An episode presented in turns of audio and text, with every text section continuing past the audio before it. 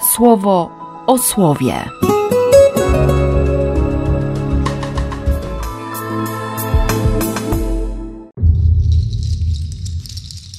Dwudziesty drugi września, czwartek. Marność, marność, marność.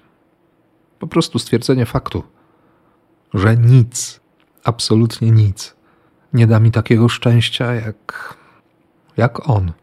Jakie on dla mnie przygotował, zamierzył, ciągle proponuje.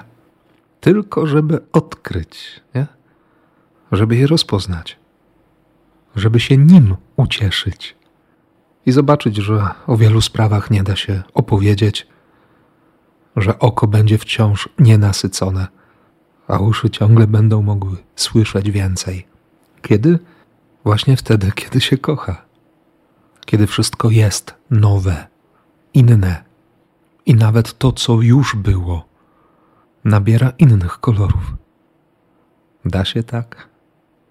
ten, który jest źródłem miłości, ten, który jest samą miłością, gwarantuje świeżość, nowość, ferie nieodkrytych smaków i barw. Może właśnie chodzi o to, aby, aby go prosić, aby pokazać mu te swoje tęsknoty, powiedzieć o pragnieniach, spotkać się, po prostu się spotkać i kochać. Herodowi chyba tego zabrakło.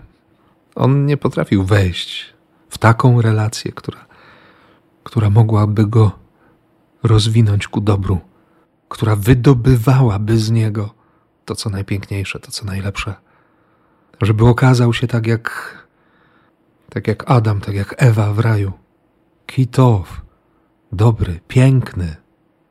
I mimo, że bardzo pragnął zobaczyć Jezusa, starał się o to, to motywacją było uspokojenie niespokojnego, mimo wszystko, sumienia, albo po prostu zaspokojenie ciekawości.